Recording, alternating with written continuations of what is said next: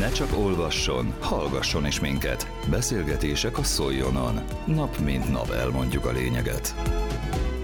Podcastünk vendége ezúttal egy kolléga, vagy volt kolléga, akivel engem több évtizedes, mondhatom így közös munka is tulajdonképpen összefügg, hiszen számtalan sajtótájékoztatón, számtalan eseményen képviselte beszélgető partnerem az egyik médiát, én a másikat.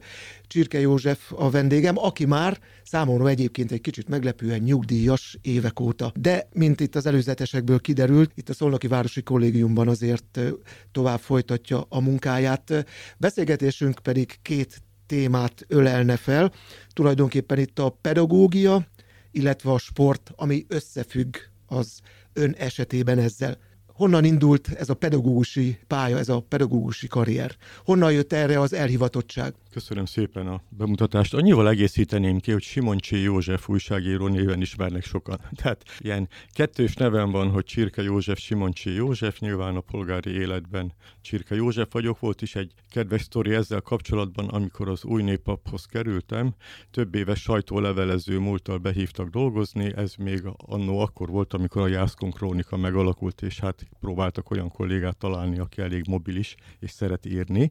És akkor a főszerkesztőm Hajnal József kollégám behívott, hogy pejoratív a nevem, a csirke. Hát mi nem jó, mert sokszor ki kell írni lab, és akkor kért meg, hogy válasszak már valami írói nevet. Volt is ebből egy kis affér, mert Simon Béla, akkori aktív újságíró kollégám egy picit megirigyelte ezt a nevet. Nem vesztünk mi össze, csak úgy vissza-vissza jött, hogy hát elvettem a nevét. A Simon Csé József úgy alakult ki, hogy Simon Mária édesanyám neve, és ebből választottam a Simon előnevet. Csak ennyi a kiegészítés. A pedagógiai pályafutásom nagyon érdekesen indult, mert valójában a családban, a szűk családban nincs pedagógus. Én viszont annyira közösségi ember voltam a munkahelyeimen, hogy hát foglalkoztam gyerekekkel. Még a 80-as években, abban az időszakban gyakori volt, szinte mindenütt a szocialista brigád mozgalom, egy ilyen brigádban tevékenykedve iskolákba jártunk, játszótereket újítottunk fel, gyerekekkel foglalkoztunk, és ez egy régi adósság is volt számomra, hogy pedagógus legyek, mert édesanyám annak idején, amikor elvégeztem a nyolcadik osztályt, nem járult hozzá, hogy gimnáziumba tanuljak. A közgazdasági szakközépiskolába kellett elkezdenem tanulni, aminek Itt szerfölött, Szolnokon. Szolnokon, a Vásárhelyi Pál közgazdasági szó, aminek szerfölött nem örültem. Így visszatekintve, hát én nekem a gimnázium kellett volna a további életpályám is ezt igazolta, de ettől függetlenül nagyon sok praktikus ismeretet megtanultam az iskolában. A lényeg az, hogy a pályamódosításomra 27 évesen került sor. Addig pénzügyi számviteli munkakörökben dolgoztam. Megmondom őszintén, ezt nem gondoltam volna.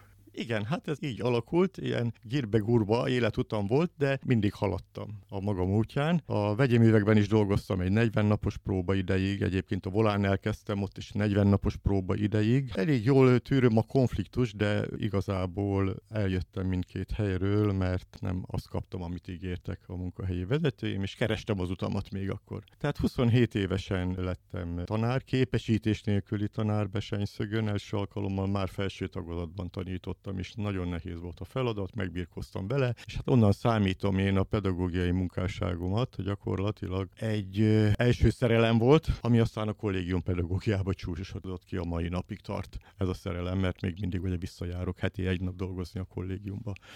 A Besenyszögi egy év után Szolnokra kerültem, az akkori zöld iskolában tanítottam, illetve voltam napközis tanár, öt éven át közben tanultam, és hát a második szerelem elkezdődött, a felnőttkori tanulás, itt diplomák sora következett, most nem sorolom fel. A lényeg az, hogy ez is folyamatosan végigkísérte az utamat, és a harmadik szerelem az írás volt ami úgy kezdődött, hogy sajtólevelező voltam, majd behívott dolgozni főállásba az néplap, aztán jött a bokros intézkedés, a kényszervállalkozói korszak. Ez nekem nagyon jó volt, mert időközben visszakerültem, majdnem négy év után a kollégiumba, tehát onnan hívtak el az újsághoz, és mellette, mint vállalkozó, a szabad délelőttjeimen nagyon-nagyon sok periódikába tudtam dolgozni, minden sajtóműfajt kipróbálva. Már akkor tapasztaltam azt, hogy mindig kell egy jó csapat, illetve kell egy második ember, akinek szólni lehet, akit megkérnek a munkára, és valójában a pedagógiai pályán is azt szerettem, hogyha ketten-hárman össze tudtunk dolgozni legalább, és hát hangosan gondolkozva én mindig ötleteltem, és ez is kellett nagyon, illetve olyan kollégákat kerestem, akik ezt jó néven vették tőlem és segítették a munkámat. Tehát a kollégiumban 25 évet töltöttem a Szolnokvárosi Tehetséggondozó Kollégiumban, két ciklusban, ahogy említettem, 1987-től 1993-ig, utána pedig 1999-től, tehát egészen 2019-ig. Azt követően pedig, most már lassan 5 éve lesz, visszajárok egy nap dolgozni.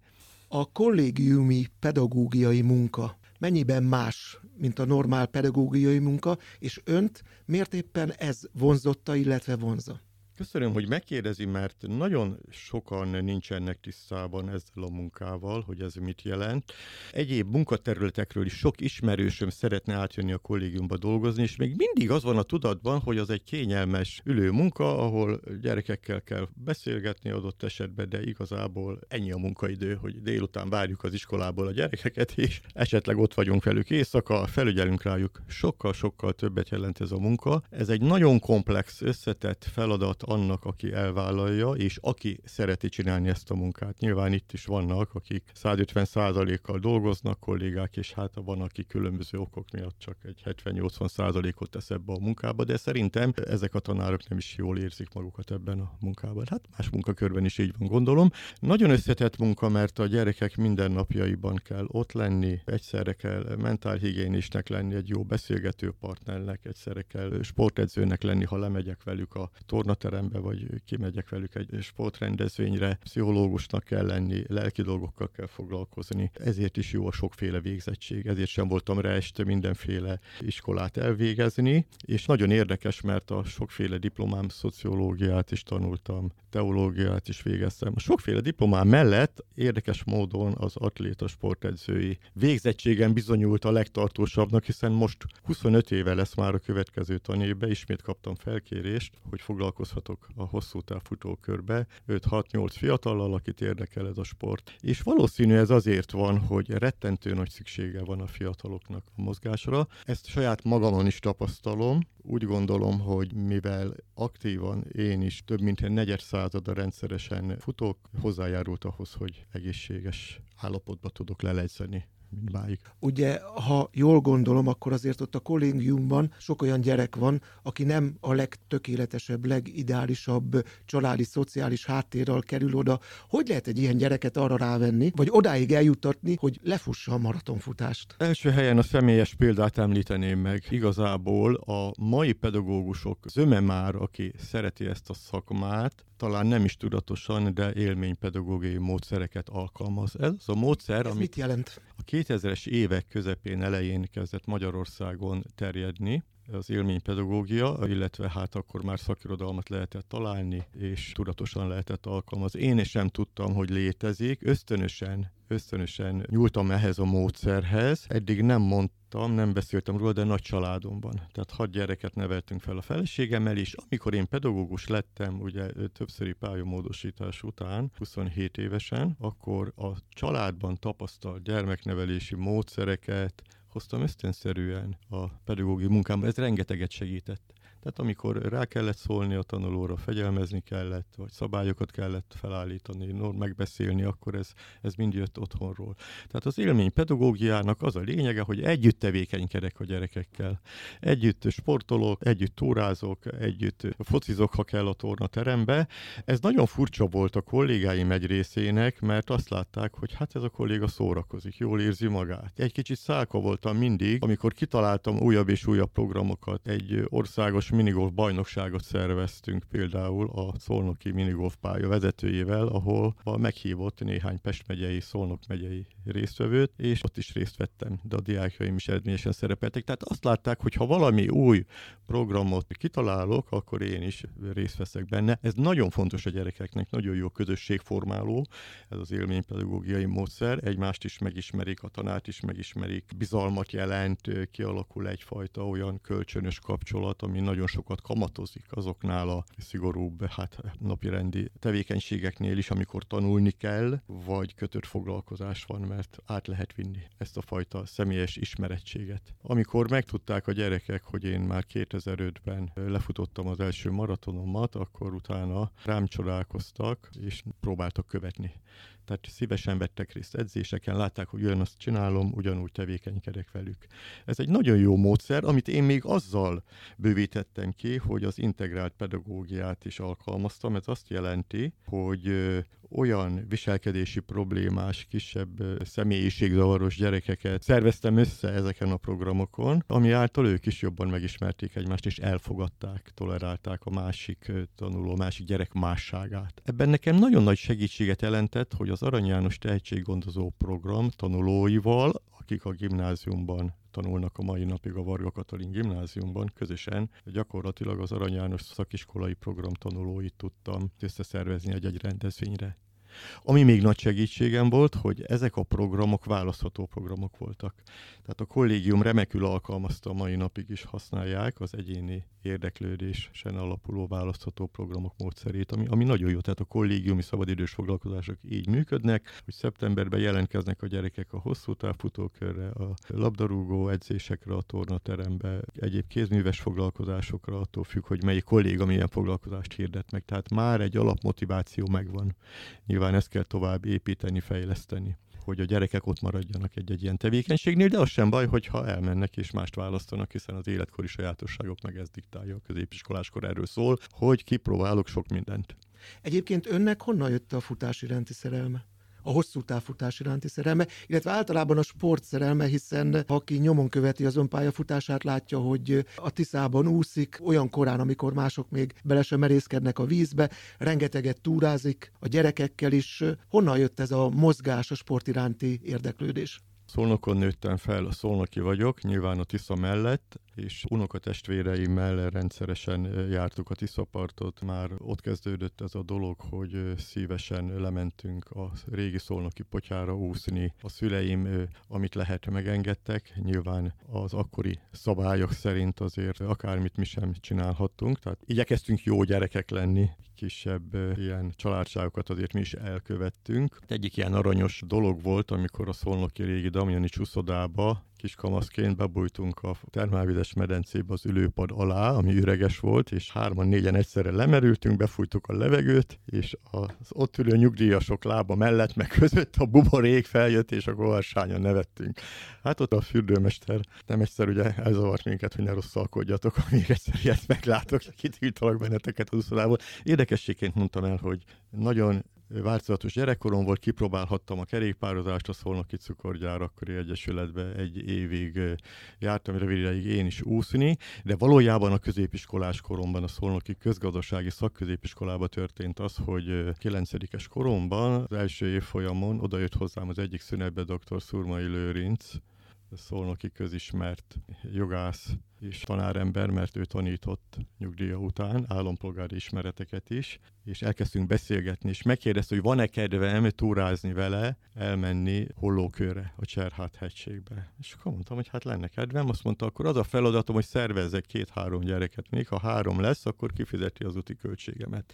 Így kezdődött ez a barátság, ami egy hát élete végéig tartó barátságot jelentett a Lőrinc bácsival, atyai jó barátom lett, mert két éven belül megalapította tudtam a segítségével gyakorlatilag mentorálta a munkámat a közgazdasági szakközépiskolában a természetjáró diákkört, a tájékozódási futó szakosztályt, ahová már futni jártam, szintén az ő segítségével. Sípos Etelkát szolnokon sokan ismerik, edző asszonyt is ott ismertem meg, egykorúak vagyunk körülbelül, és hát jártunk együtt tájékozódási futó versenyekre. Így történt, hogy a Bükkben Mospart saroltával együtt tudtunk indulni egy tömegrajton a diáktársaimmal. Tehát nagyon szép élményeim vannak, vannak a középiskolás koromból, ezzel kapcsolatban aranyelvényes tájékozódási futóként végeztem el a középiskolát, később abba hagytam, és hát úgy alakult a magánéletem a nagy családdal kapcsolatos gondok, problémák és a továbbtanulással járó kötelezettség miatt, hogy egy néhány évig gyakorlatilag csak teljesítményt túrázgattam, és igazából, amikor a kollégiumba elkezdtem dolgozni, a második ciklusomat 1999-ben, onnan kezdve futok én is rendszeresen 25 éve, és akkor alapítottam meg a Spuri Barátok Társaságát. Ez is nagyon érdekes, mert néhai kis József, jó kollégám, barátom szegény elhunyt, volt a Diák Szövetség elnöke, igazgató helyettes a Városi Kollégiumban. És miután megtudta, hogy én ott szeretnék egy egyesületet alapítani diákokkal, már voltunk vagy 12-en, megkért, hogy ne csináljak már ilyet, egy intézményen belül legyek a tagozata ennek a Diákszövetségnek, egy sporttagozata, és akkor ezért használjuk a nevünket úgy, hogy Városi Kollégium Diákszövetsége, Spuri Baráti Társasága. Mondta, hogy önállóan dolgozhatok, és ő támogatja a versenyeket anyagiakkal is, ha szükséges. Innen indult a Spuri Baráti Társaság. Hányszor futotta már le a maratont? 11 alkalommal teljesítettem, hát a félmaratonok száma pedig 30 fölött van ha jól emlékszem. Mi kell ahhoz, hogy valaki le tudjon futni egy maraton? Az az igazság, hogy az első maratonig eljutni nagyon-nagyon nehéz. Nagyon nehéz, mert azt érzi mindenki, hogy ez egy óriási megterhelő feladat, nem vagyok rá képes. Miközben készül rá. Én öt évig készültem gyakorlatilag. Úgy, hogy már Tudatosan a... és szisztematikusan arra, hogy majd a maraton teljesíteni? Igen, ez tudatos volt, ennek fejben kell kialakulni és eldőlni. Most is van olyan jó ismerősöm középkorú, akivel interneten beszélgetek, ő is már egy négy éve készül. Nagyon jó időeredményekkel, szinte ilyen öt és fél perces kilométereket fut edzéseken. Ezt csak tájékoztatásként mondom, hogy aki 6 percet fut, az is nagyon jó eredmény. Amatőr szinten, az már profi szinten, tehát nem kell itt nagyon gyorsan futni a maratonfutónak, hiszen mi hosszú távra készülünk. Tehát az 5-6 perces kilométerekre, a 6,5-7 percig ezek nagyon jó időeredmények. Ez azt jelenti, hogy elég gyors vagyok ahhoz, hogy egy 4 és 5 óra között 4-4 és fél órán belül lefussam a maraton. Tehát ez jelenti a 6 perces kilométer. És azt kell hozzá, hogy fel kell készülni, de nyilván mindig az első próbatétel a legnehezebb, az ismeretlenbe ugrunk, amikor maratonra készülünk, akkor is, ha van a hátunk mögött 8-10 fél maraton, hiszen az csak 21 kilométeres folyamatos futás. Amikor aztán megtörténik, akkor utána már tudjuk, hogy hogy kell felkészülni, és akár évente lehet ismételni, vagy vannak, akik még gyakrabban futják a maratont. Diákja hány volt, akit sikerült rávenni arra, hogy teljesítse, és teljesítette is? A diákok között nagyon örülök, hogy hatan követtek úgy, hogy nálam kezdtek el futni, és hat tanulónak sikerült teljesíteni. Kettő tanulóval közvetlenül futottam. Együtt. Azért, együtt. igen, azért érdekes dolog ez, mert 18 éves kor felett lehet csak maratont futni, és a középiskolás korosztály, tudjuk, hogy érettségizik, elmegy, tovább tanul, vagy dolgozik, tehát éppen az az időhatár az, amikorra odaérne, hogy maratont futna, de már nincs a kollégiumban. Ezért történt az a másik négy esetben, hogy a következő évben, vagy két év múlva lefutották a maratont, és megköszönték az addig végzett munkámat, és akkor együtt örültünk a sikerüknek. Tehát hat ilyen diákom van, ezek közül már van olyan, Pozsonyi Tamás, aki én úgy gondolom el is érte az én maratonjaimnak a számát, tehát kitartó, rendszeres munka kell hozzá, odaszánás, és a szabályok itt is nagyon fontosak. A saját magunk számára felállított követelményrendszer, ami nagyon-nagyon visszaköszön a tanulásba. Nagyon sok kollégám nem értette, a vezetőim szerencsére ezt felismerték, hogy két esetben is nagyon jó a sportmozgás. Egyrészt, amikor jó tanuló az illető, a tanuló, mert akkor a testi működést fizikálisan segíti, a gondolkodást, a tanulást, a tanulási tevékenységet, felfrissülünk a sporttevékenység közben, tehát az eredményeket könnyű szinten tartani, a tanulási eredményeket, és a rendszeresen sportoló, aki kiegészíti. Másrészt pedig olyan esetben is nagyon jó, és ezt tapasztaltam az integrált programok szervezésénél, ami lehetett egy korcsolyázás, egy szánkótúra, egy kerékpártúra, amikor a problémás gyerekeket elvittem, hogy a szakiskolai tanárok visszaszóltak két-három belül, hogy nem tudják, mi történt, XY tanuló nyugodtabb, pihentebb, felkészültebb, úgy veszi észre az órákon, tehát nincs vele fegyelmezési probléma. Egyszerűen ugye kimozogta magát azon a sportrendezvényen, jól érezte magát, mentálisan is felfrissült, és ezáltal a tanulás is könnyebben ment.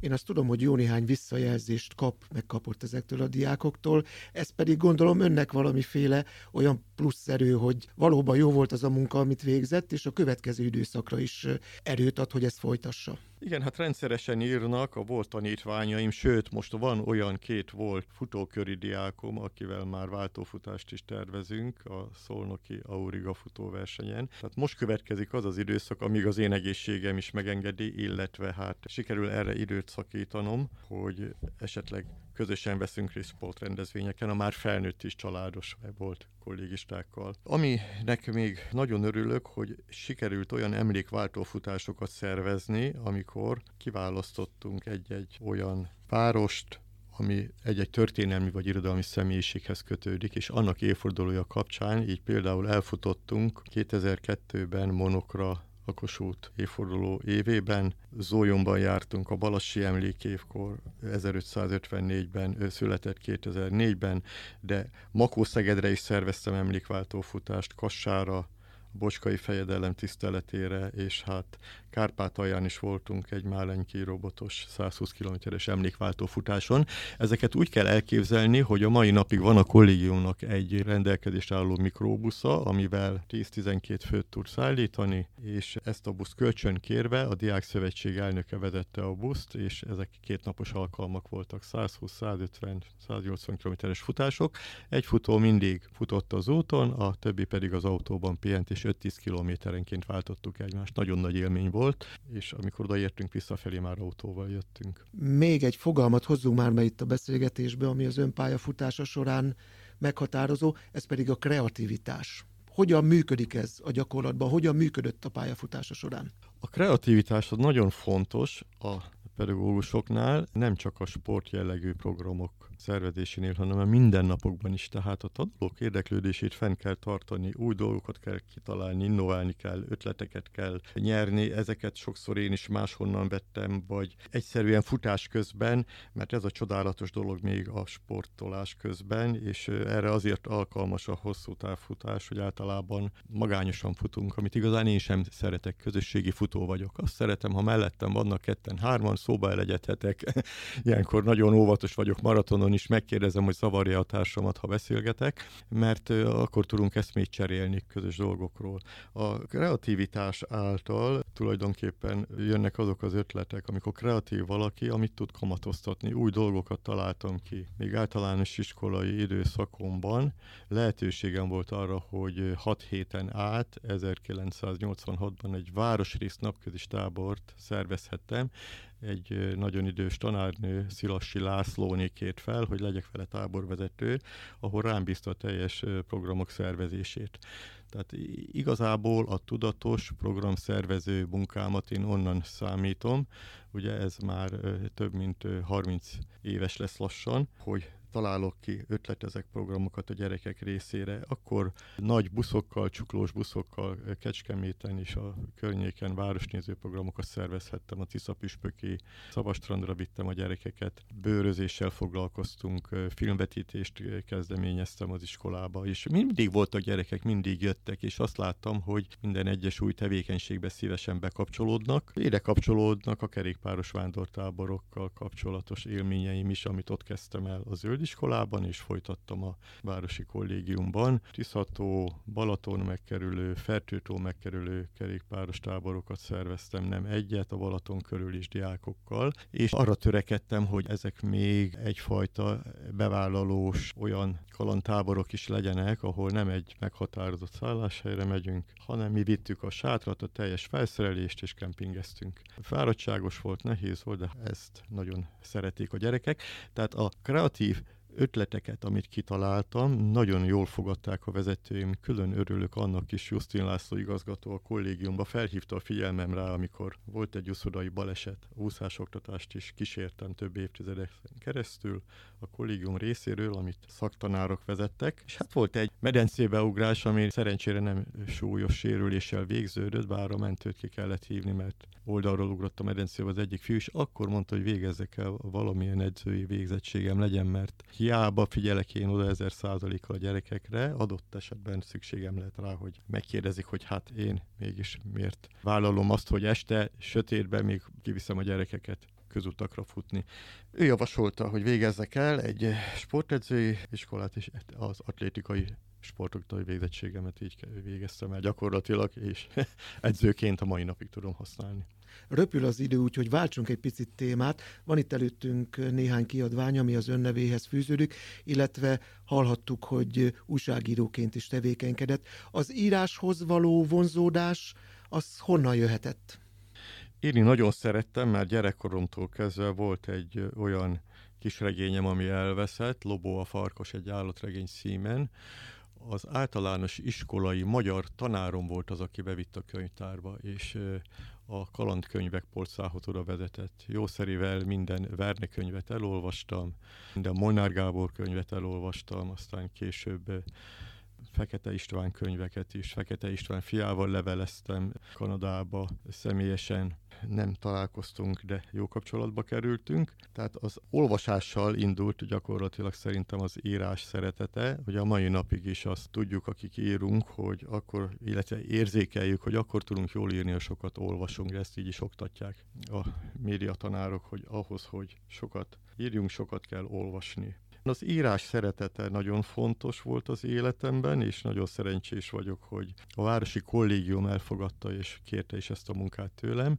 2007-ben indult az online újságírás az Arany János tehetséggondozó programban, illetve a másik Arany János programban, és hát így oda is bekapcsolódtam, illetve akkor már vállalkozó újságíróként a kollégiumi tanári munkám mellett ezt a fajta munkát is ki tudtam próbálni és hasznosítani. A kollégiumban kialakult egy nagyon hasznos kiadványszerkesztői munka. A mostani igazgató Tótné Mészáros Ágnes igazgatóasszony intézményvezető polcán ott sorakoznak a kiadványaink. Ebből hatnak, az utolsó hatnak én vagyok az olvasó szerkesztője, részben az írója, illetve magam is meglepődtem, hogy rengeteg jól író tanár kolléga van, akik időhiány meg egyéb dolgok miatt nem próbálkoztak meg az írással, illetve a kollégiumi honlapok gondozása során is tapasztaltam, hogy némi biztatás után, meg segítés, korrektúrázás után nagyon jó kéziratokat kaptam, tehát általában a tanárok is nagyon jól tudnak írni, és hát ezt kihasználva szerkesztettem a kollégiumban a hat kötetet, most a legutolsó volt a 16 év a szakképzésben című kiadvány, ami idén júniusban jelent meg, közös kiadvány, a Szolnoki Szakképzési Centrum és a Kollégium kiadványa arról szól, hogy befejeződött az Arany János Kollégiumi Szakközépiskolai Program 16 év után, amit hát nagyon sokan nehezen fogadtak el. És több kollégám attól tartott, hogy majd ez a kötet egy ilyen nekrológ lesz, miért kell ezt megírni. És kiderült, hogy miután szabad kezet adtam az íráshoz, gyakorlatilag egy kérdéscsokorral indítottam, úgyhogy nem kötelező rá válaszolni, és írásban is fogadtam el válaszokat, abból szerkesztettem. Hát ez egy emlékkötet, egy visszaemlékező kötet, ahol a kollégák és a tanulók is, a végzett tanulók elmondják, hogy hogy érezték magukat ebben a programban, és nem nekrológ lett, ellenkezőleg egyfajta tanulmánykötet, szakmai kötet is. Nyilván elmondják azt is, hogy sajnálják, hogy megszűnt, és nincs jelenleg ilyen program, ami a többszörösen hátrányos helyzetű gyerekeket eljuttassa adott esetben az érettségintől még az egyetemre is, akárhonnan érkeznek a kollégiumban. Tehát egy nagyon sokrétű, széles kiad szerkesztői tevékenység indult el, hát remélem, hogy ez majd folytatódik, akár más által is, ha én már nem kapok erre felkérést. Zárjuk már itt akkor a beszélgetést egy picit előre tekintve. Egyrészt akkor ezek szerint most éppen nem készül semmi írásos mű, ez az egyik kérdésem, vagy ha készül, az annak mi a terve, a másik pedig mi lesz a legközelebbi sportteljesítmény? Amit nagyon szeretnék, ha elkészülhetne néhány éven belül, az azért lenne izgalmas, mert meg keresnénk azokat a felnőtt már tanuló családos fiatalokat, akik az Arany János tehetséggonzó programban végeztek. És hát a nagy többségük ugye tovább tanult, külföldön dolgozik, vagy hazai vállalkozásoknál, cégeknél vezető munkakörökben, és ez már egy sikerkötet is lehetne, de ugyanakkor azt példázná, hogy a kis településekről érkező, nagyon sok hátrányjal érkező fiatalok mire képesek. Ez egy interjúkötet lehetne, de ugyanígy lehetne folytatni a szakközépiskolai programban végzett gyerekek körében a kutatást, hogy kik azok, akik valóban a megtanult szakmát hasznosítva, használva sikeres életutat értek el, és lehetne róluk írni. Tehát ha kapok felkérést, akkor szívesen állok elébe és segítem ezt a fajta munkát. A sport? A sport téren pedig a hosszú távfutókörben sok mindent tervezünk, ami nagyon-nagyon jó, és örülök neki, és itt is elmondom, hogy Szolnokon már nagyon sok jó futó alkalom is van. Szolnoki sportegyesületek, a sportcentrum is igyekszik olyan futó alkalmakat teremteni, látva, hogy megnőtt az amatőr hobbifutás iránt is az érdeklődés, hogy gyakorlatilag nem kell kimenni a megyéből Szolnokról, és már el lehet indulni akár egy félmaraton versenyen is, de rövidebb távokon is. Tehát a kollégistáimmal tervezem, most egy 6-8-10 főre számítok a következő tanébe, hogy részt veszünk az Auriga Egyesület erdei futóversenyein, ismételten, ahogy idén és tavaly is már a Pizza Maraton váltón is szerepeltünk. Ha sikerül, akkor néhány teljesítménytórára is motiválom a gyerekeket hétvégén ehhez is nagyon jó a közalkalmazottak egyesülete által szervezett jó alkalom, Pelikán túranap. Tehát vannak bőven alkalmak, és hát kerékpáros programokat is lehet szervezni igény esetén. Én magam pedig teszem a dolgomat, mert ugye Szabad György önéletrajzi kötetében olvastam, hogy amikor őt felkérték, hogy legyen az országgyűlés elnöke, akkor azt mondta, hogy az emberek, ha megöregszenek, gyakorlatilag vagy erekéjének tekintik őket, vagy ócskavasnak, de ő szerszám szeretne lenni. Akkor volt 66 éves. Aztán 91 évet írt Szabad György, és ő mondta, hogy ő szerszám szeretne lenni, de hát azt kérte, hogy majd szóljanak, hogyha már nem úgy végzi a munkáját, ahogy kellene, ha már annyira megöregszik. és ha lehet, akkor ezzel a példával szerettem volna rávilágítani, hogy én is 69 éves leszek, még aktív vagyok, még friss vagyok, még van egészségem, és amíg vannak követőim, addig szívesen foglalkozok a gyerekekkel edzőként is. Nyilván, hogyha történik valami probléma, akkor megköszönöm a munkát, illetve ha úgy gondolják, hogy most már nincs szükség a munkámra, akkor bőven elég, amit elvégeztem, úgy gondolom. Nagyon sok kolléga van követőm, akik a hagyományos programként már tovább folytatják azokat a programokat, amit hát sok kollégával együtt elkezdtünk közösen. Én biztos vagyok benne, hogy azért még lesz itt sok-sok program, amiben főszereplő, főszervező lesz. Nagyon szépen köszönöm Csirke Józsasnak, hogy befáradt ide a szoljon.hu stúdiójába. Azt hiszem egy igazán érdekes podcast volt, egy igazán érdekes személyiséget ismerhettünk meg az ön szemében, és még egyszer jó egészséget és sok sikert kívánok a közeljövőben is. Köszönöm szépen, viszont kívánom mindenkinek. Jó egészséget kívánok. Közélet, politika, bulvár. A lényeg írásban és most már szóban is. Szóljon a szavak erejével!